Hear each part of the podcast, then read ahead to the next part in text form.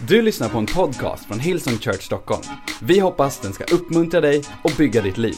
För att få mer information om Hillsong och allt som händer i kyrkan, gå in på www.hillsong.se. Alright, om du har en bibel hemma eller kanske skriva på telefonen så ta fram den så ska vi läsa någonting i bibeln tillsammans. Tack teamet. Uh, kom tillbaks om en stund. Uh, i, i, mitt jobb som jag har, vi är en kyrka som finns eh, på jag tror 30 platser runt om i hela världen och vi har en dröm om att inom 10 år finnas eh, i 100 länder. Eh, och eh, vilket är en omöjlighet, men det är så Gud jobbar. Så jag reser en hel del och jag bor en hel del på olika ställen och jag har bott på bra ställen och på dåliga ställen. Jag har bott på jättebra hotellrum som jag eh, tänker fantastiskt att eh, någon från Tidaholm kan få bo här och uppleva det här. Men jag har också bott på andra sorters rum. Jag tänker specifikt på en gång när vi kom till eh, Tampa i, eh, i Florida i USA. Jag hade med mig Erik och Lina och, och ett gäng. De hade ett band som hette Blue Eye Soul, eller jag tror det hette Jamboree på den tiden. Och vi skulle på turné. Jag hade satt upp en turné i USA. Vi åkte och spelade på en del helt fantastiska ställen. Tusentals människor. Eh, och vi har blivit inbjudna till ett ställe att spela i Tampa. Eller jag var inte med och spelade, jag var bara med och roddade lite grann sådär. Och uh, satte upp saker. Och vi kom till Tampa och de hade sagt att det skulle vara gigantiskt. De hade byggt upp det som att det skulle vara uh, något av det bästa som vi någonsin skulle få uppleva. Och jag hade en adress. Det här var tidigt 2000-tal, så det var innan GPS och grejer. Jag hade en karta som jag köpt på en mack och lite linjaler och grejer med streck vi hade dratt. Och vi kom till den här adressen och när vi kom dit tänkte jag att jag måste ha fått fel adress. För stället som vi kom till var ett skjul. Uh, det var, inget, det var ingen arena, det var bara ett litet skjul. Och jag ringde och sa, vi är även adressen, men jag måste ha fått fel adress. Och han sa adressen igen jag sa, det är exakt där jag är. Men jag ser ingen arena, det står bara ett litet hus här, ett, ett skjul, ett kärr. Och eh, han sa, nej men det här, kom in. Vi gick in och tittade i ett garage fullt med bråte. Eh, vi hade åkt i många, många, många timmar. Jag sa, men vad är det här? Du, du har målat upp det här som att det här skulle vara gigantiskt. Och jag kommer inte ihåg vad han svarade, men han hade någon idé om att vi skulle spela på hans garageuppfart där. Eh, jag kan säga att bandet inte var helt nöjda. och vi skulle sova över där och vi skulle vidare nästa morgon. Och eh, eh, bandet, de åkte och sov någonstans. Det var madrasser på golvet, det var alla typer av fläckar på de madrasserna. Men det var bra, det var härdande för dem. Jag och Lina skulle sova över hos den här personen hemma hos dem. Eh, när vi gick in i, i det som skulle vara gästrum efter att han hade kastat ut cyklar och grejer och allt möjligt som hade bott där inne i 20 år. Och vi drog bort överkastet på sängen när vi skulle sova. Så såg vi hur hela Guds djurrike försökte ta sig ur sängen. Uh, nej, jag är inte picky. Jag kan sova var som helst. Min fru, hon gillar inte kryp i sängen. All right? Men som goda missionärer och kristna som vi är så försökte vi sova där. Vi la lite handdukar vi hade med oss och lite kläder och sov där. Vi sov inte så mycket den natten. Men grejen är oavsett om man sover på ett bra ställe eller man sover som i det här rummet i Tampa så är det bara någonting som är temporärt. Man sover i ett hotellrum eller man sover över någonstans för att man är på väg någonstans. Inte för att man ska stanna där. Jag vet inte hur du är men jag har rutiner för att sova på hotell. Jag är en rutinmänniska. Jag gör samma sak när jag kommer in. Jag ställer väskan på samma ställe. Jag gör samma saker först. Jag, jag har liksom saker som jag gör och, och, och, jag reser en hel del ensam och lite nu och då så är det extra bra för då kan Lina följa med. När Lina blir galen när hon ska bo på ett hotellrum tillsammans med mig eller rättare sagt, jag blir galen för att hon förstör mina rutiner. Hon förstör mina system som jag har. Det är jag som är sjuk i huvudet och det är hon som är normal om du undrar. Men Grejen är, vad spelar det för roll egentligen? För vi ska ju bara sova över och sen åka vidare. Man måste inte gilla att bo där. Jag har inte plan planerat att, att liksom stanna kvar där för evigt. Det är en temporär plats som jag är på, på väg dit jag ska. Eller på väg hem dit jag ska. Det står i Predikaren kapitel 9, vers 11 så här. Vidare såg jag under solen. Det är inte de snabba som vinner loppet eller den starkaste som segrar i striden. Nu ska vi se här. Uh, inte heller de visa som har bröd, inte de kloka som blir rika, inte heller de lärda som lyckas. Nej, alla är beroende av rätt tid och tillfälle. En människa har inte heller kunskap om sin tid. Likt fiskar som fångas i ett nät eller fåglar som fastnar i en snara, så snärjs människor i onda tider som plötsligt kommer över dem. Det predikaren säger är att det finns en tid för allting. Och han säger att det inte alltid är de starkaste som vinner. Det är inte heller de smartaste som får bröd, eller de kloka som blir rika, eller de lärda som lyckas. Utan alla är beroende av rätt tid och rätt tillfälle. Säger att det finns en tid och ett tillfälle. Det Bibeln talar om att det finns säsonger i livet. Nej, vi gillar inte säsonger. Om du är en sån som jag så gillar du inte när saker ändrar sig för mycket. Man vill ha det som man vill ha det. En sak jag älskar, det är att ändra på saker och ting. Därför att det hjälper oss att hålla oss på tå. Vi är en kyrka som aldrig är rädda för att ändra på någonting om vi tror att det kan göras bättre, om vi tror att vi kan bli mer effektiva eller hjälpa fler människor. Men samtidigt så är vi allihopa människor som gillar att ha det som vi har det. Men hur enkelt är det inte i livet att cementera sig på en plats som du är tänkt att passera igenom? Som du bor i ett rum som du kanske inte gillar, men du ska bara vara där en natt. Du är på väg till någonting annat. Men så enkelt så bygger vi bo i säsonger som Gud har tänkt att vi ska bara passera igenom. Och så börjar vi utvärdera våra liv och så börjar vi fatta permanenta beslut utifrån en temporär situation som vi är i. Någonting händer oss i livet, vi går igenom någonting i livet som påverkar oss och som får oss att kanske hamna i en tuff situation. Helt plötsligt så börjar vi se livet genom filtret av den säsongen vi är i. Min bön till dig är att du skulle förstå skillnaden på en säsong som vi går igenom. Det här som vi går igenom som land, det här som vi går igenom som värld. Hör vad jag säger, det är tufft nu, men det kommer en annan dag. Det påverkar många just nu. Det påverkar många djupt just nu, men det kommer en annan dag. Låt inte rädslan som kommer över oss i den säsong som vi är nu forma resten av ditt liv. Och min bön för oss som kyrka är att allt som vi gör just nu för att skydda oss, att det inte skulle bli en rädsla som gör att när det här är över, att vi håller avstånd till människor. Vi är gjorda för community, vi är gjorda för gemenskap, vi är gjorda för att samlas. Det här är en temporär situation. Om du har ett företag som går igenom tuffa period, en tuff period just nu. Min vän, det kommer en bättre dag.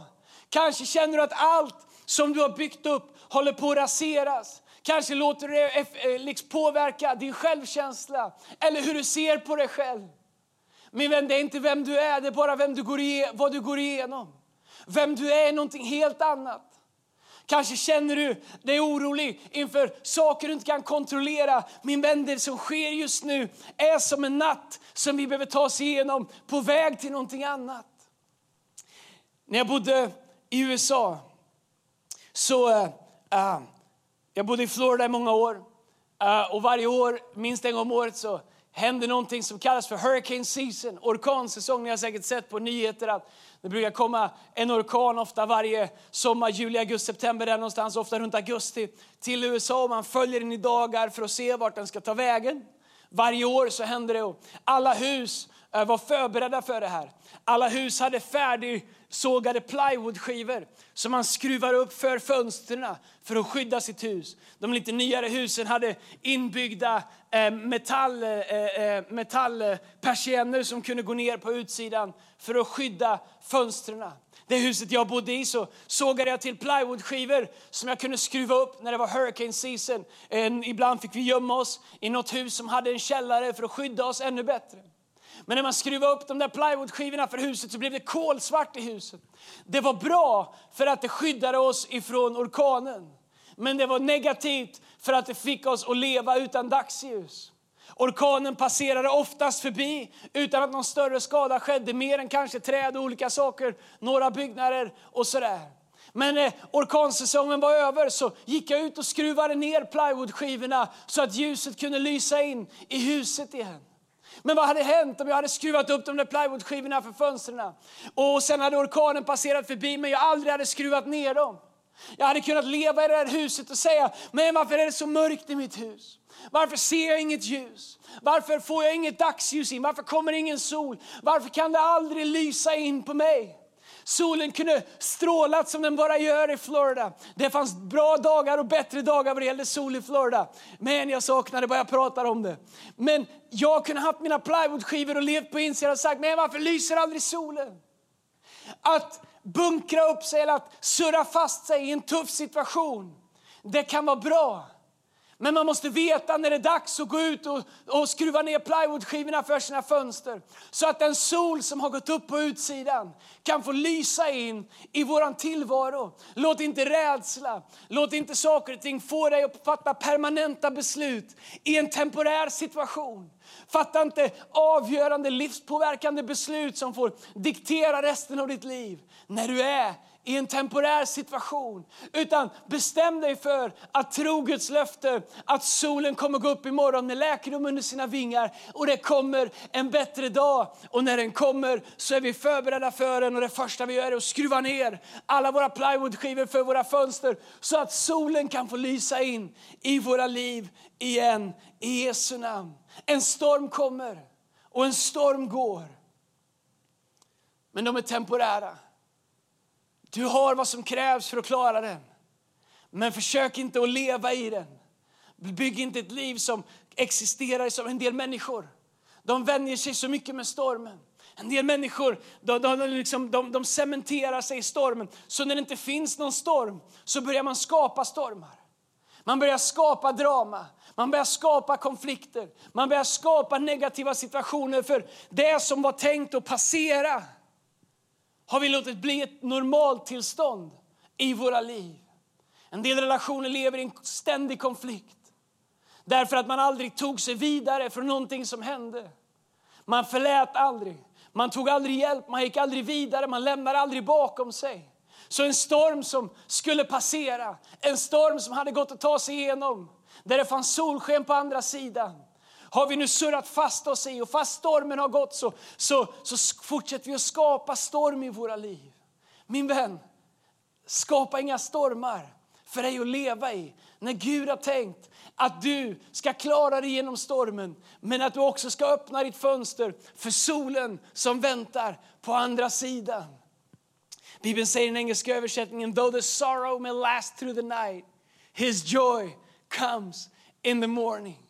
Och när glädjen kommer på morgonen, då är det dags att öppna sina fönster och vara redo för det i Jesu namn. I Saltaren kapitel 30, vers 6 så står det så här, hans vrede vara bara ett ögonblick, men hans nåd hela livet. Lyssna det här, gråten kan gästa om natten, men när morgonen gryr kommer glädjen.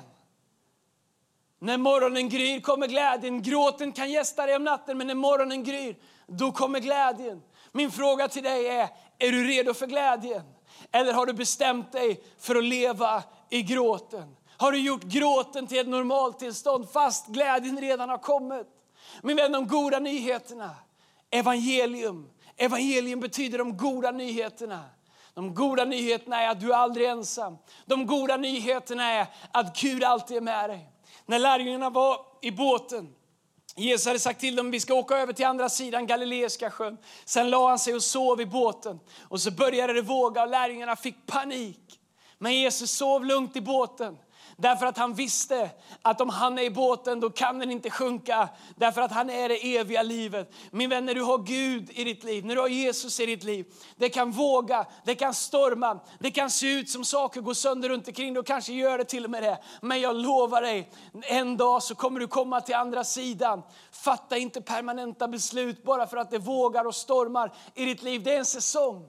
Så som predikaren sa, det finns en tid och ett tillfälle, det finns en säsong. Livet är fullt av säsonger. Se till att du är redo för nästa säsong. Men jag tar den här säsongen, vi är på allvar, men jag är redo för nästa säsong. Vi gör det bästa vi kan med våra gudstjänster under den säsong som vi är i. Men det här är inte normaltillståndet. Det här är vad vi kan göra nu. Men det kommer en annan dag när vi ska fylla våra gudstjänstlokaler igen. När vi ska kunna välkomna människor hem, när vi ska kunna göra det som är kyrkans uppgift. Men vet du vad? Då kommer vi inte bara hålla kvar det, utan då kommer vi ta nästa steg. För dig som känner att det här är allt som finns kvar i ditt liv, oavsett vilket område av livet det är. Jag är här idag för att säga till dig, det är inte sant. Det är en säsong, det är en storm. Du kanske har surrat in och satt upp dina plywoodskivor, men lyssna, stormen är på väg förbi. Det kommer en annan dag, solen kommer gå upp och vi kommer kunna ta ner våra plywoodskivor och du kommer se att Gud är trofast även i ditt liv i Jesu namn. Så hur överlever man stormen? Och det finns två saker jag skulle dela med dig snabbt i avslutningen. Det första och viktigaste för att överleva en storm, det är att fortsätta framåt. När Israels folk hade lämnat Egypten så gick de ut i Egypten och ganska snabbt var de framme vid löfteslandet. Det tog inte speciellt lång tid att gå dit, till, till den plats som Gud hade lovat dem. Men de vågade inte gå in i det.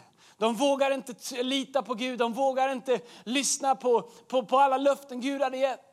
Så de valde istället att skapa sig en existens i ett mellanläge mellan fångenskapen i Egypten och löftena Gud hade gett dem om Kanans land, om löfteslandet.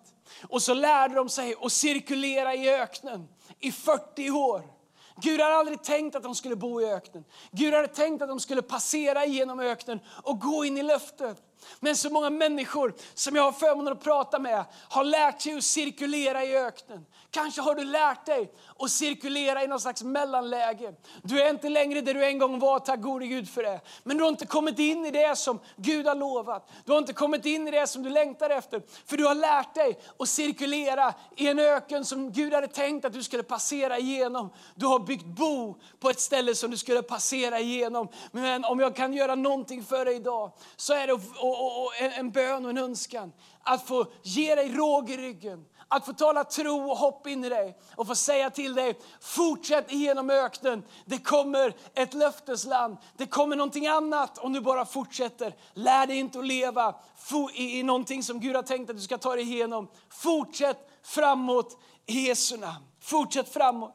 David han skriver i psalm 23, vers 4. Om jag än vandrar i dödsskuggans dal fruktar jag inget ont, ty du är med mig, din käpp och din stav, de tröstar mig. David han säger om jag än vandrar i dödsskuggans tal, jag älskar det med Bibeln, jag älskar det med Gud. Att Gud, Bibeln och kristendomen, det är ingen så här rosa fluffig tillvaro eller det är ingen så här låtsasvärld som, som finns för att gömma sig från verkligheten. Ingenstans så kommer du höra mig säga att om du tar emot Gud då kommer livet bli fullt av rosa moln och enhörningar. Det är inte det det är. David själv han säger, om jag än vandrar i dödsskuggans dal. Han ger uttryck för att lite nu och då så finns, finns dödsskuggans dal. Men du förstår nyckelordet i den här versen är vandrar. Om jag än vandrar. Engelska översättningen säger even though I walk through the valley of shadow of death. Även om jag går igenom dödsskuggans dal så fruktar jag inget ont. Min vän, du behöver inte låtsas att du inte är i dödsskuggans dal om du är det. Men det du kan bestämma dig för att göra är att fortsätta gå. Att inte stanna där. David han säger inte om jag än har byggt bo, om jag än sitter fast i dödsskuggans dal. Nej, han, han låtsas inte om som att den inte finns. Han säger det är dödsskuggans dal, men han säger jag vandrar igenom den. Jag går igenom den. Och så, han säger du är med mig Gud. Din käpp och din stav tröstar mig och leder mig. Min vän, om du känner att du är i dödsskuggans dal av något av livets områden, fortsätt att gå. Gud är med dig. Han tröstar dig, han leder dig. Han är den goda herden som aldrig lämnar eller sviker dig. Det andra jag skulle vilja säga det är, fatta inte permanenta beslut i en tillfällig situation. Lazarus, en av Jesu bästa vänner, hade dött. Hans systrar Marta och Maria sände bud till Jesus och sa Lazarus, den du älskar har dött. Jesus han kommer fyra dagar senare. Maria Marta säger till Jesus, Jesus om du hade varit här, då hade det inte varit för sent. Om du hade varit här, då hade Lazarus inte dött, men nu är det för sent. I deras sinnen så har de bestämt sig att det är över. Det kunde ha varit bättre om Jesus bara hade kommit tidigare. Men Jesus han säger, jag är uppståndelsen och livet. Den som tror på mig ska leva även om han dör. Så när Jesus kommer så vet han att det inte är kört för Lazarus, fast han har varit död i fyra dagar. Marta och Maria har fattat ett permanent beslut i en temporär situation. Faktum var att när de sände bud till Jesus sa att Lazarus, den du älskar, är död eller är sjuk. Så sa Jesus, den här sjukdomen ska inte sluta med döden. Nu kommer han flera dagar senare och Lazarus är död och Marta och Maria har glömt vad Jesus sa. Nu är de arga på Jesus, frustrerade på Jesus. Varför kom han inte tidigare? Varför var han inte där när de behövde honom? Så med ett mindset som har fattat ett permanent beslut i en temporär situation så är de arga på Jesus för att han inte kom tidigare. Men Jesus är inte stressad. Han sa att det här ska inte sluta med döden. Det här var en temporär situation för Jesus. Men det var ett permanent beslut för Marta och Maria. Samma situation, två helt olika sätt att se på det. Jesus säger till Lazarus, Lazarus, stå upp och gå. Helt plötsligt så lever Lazarus igen. Marta och Maria de hade redan på fyra dagar vant sig vid att det var för sent. De hade bestämt sig för att det var kört. Fast Jesus sa att han kommer inte dö. Den här sjukdomen kommer inte sluta med döden. Så ibland när vi går igenom saker och ting så är vi snabba med att fatta permanenta beslut. Kanske blev du permitterad och nu har du bestämt dig för att permitteringen kommer leda till att jag blir uppsagd. Kanske har det hänt saker i ditt liv. Kanske hade du en relation som brast och nu har du bestämt dig för att du kommer aldrig mer kunna ha en relation. Du fattar permanenta beslut utifrån en temporär situation. Gör inte det. Det är en säsong. Det är en storm som Gud är här för att ta dig igenom. Det kommer en annan dag. Det kommer en dag där det är dags att skruva ner plywoodskivorna för fönstret. Det kommer en dag där det är dags att låta solen lysa in igen. Se till att du inte har fattat beslut som gör att du missar det. Stormar kommer och stormar går. Men Gud vill leda dig genom allihopa av dem. Och även när det känns som du inte har ett enda steg kvar i dig. Om du bara vänder ditt hjärta mot framtiden så säger Bibeln att Gud kommer bära dig. Bibeln säger att han aldrig lämnar dig, aldrig överger dig. Att han aldrig ger upp på dig. Om du faller säger Bibeln att han reser dig upp igen. Han säger, han liknar det vid en tändsticka och så säger han en, en tynande veke ska han inte utsläcka. Tvärtom vårda och se till att den fortsätter att brinna. Du behöver inte ha mänskliga eller logiska saker att hoppas på för att hoppas på en framtid. Det räcker att hoppas på Gud. Han är livet. Han är framtiden. David sa, jag lyfter min blick mot bergen. Min hjälp kommer från honom som har skapat himmel och jord. Jag älskar det bibelordet, jag citerar det ofta. Det är ett av mina ledord. Ibland när jag ser mig omkring så ser jag bara omöjligheter.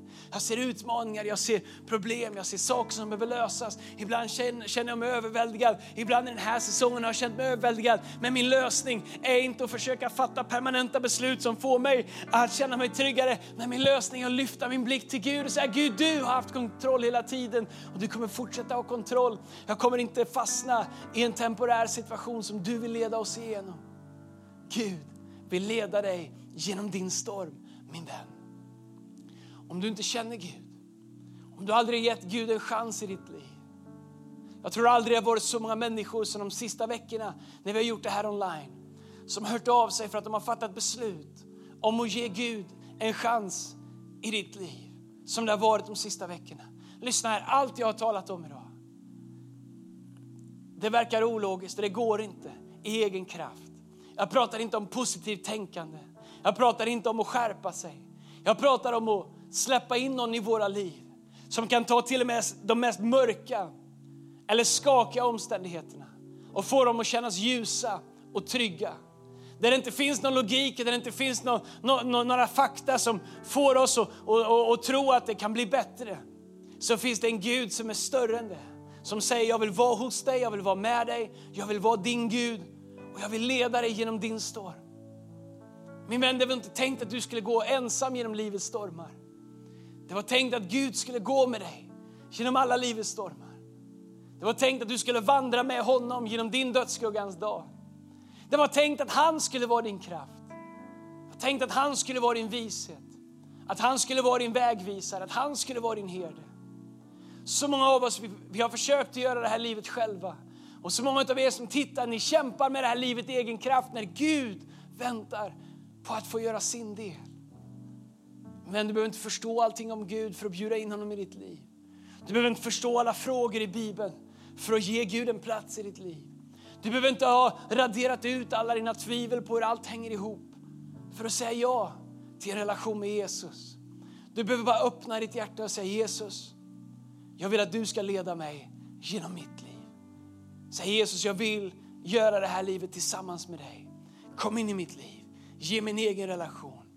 Kristendom är ingen religion med ett mönster som du ska göra för att uppnå någonting.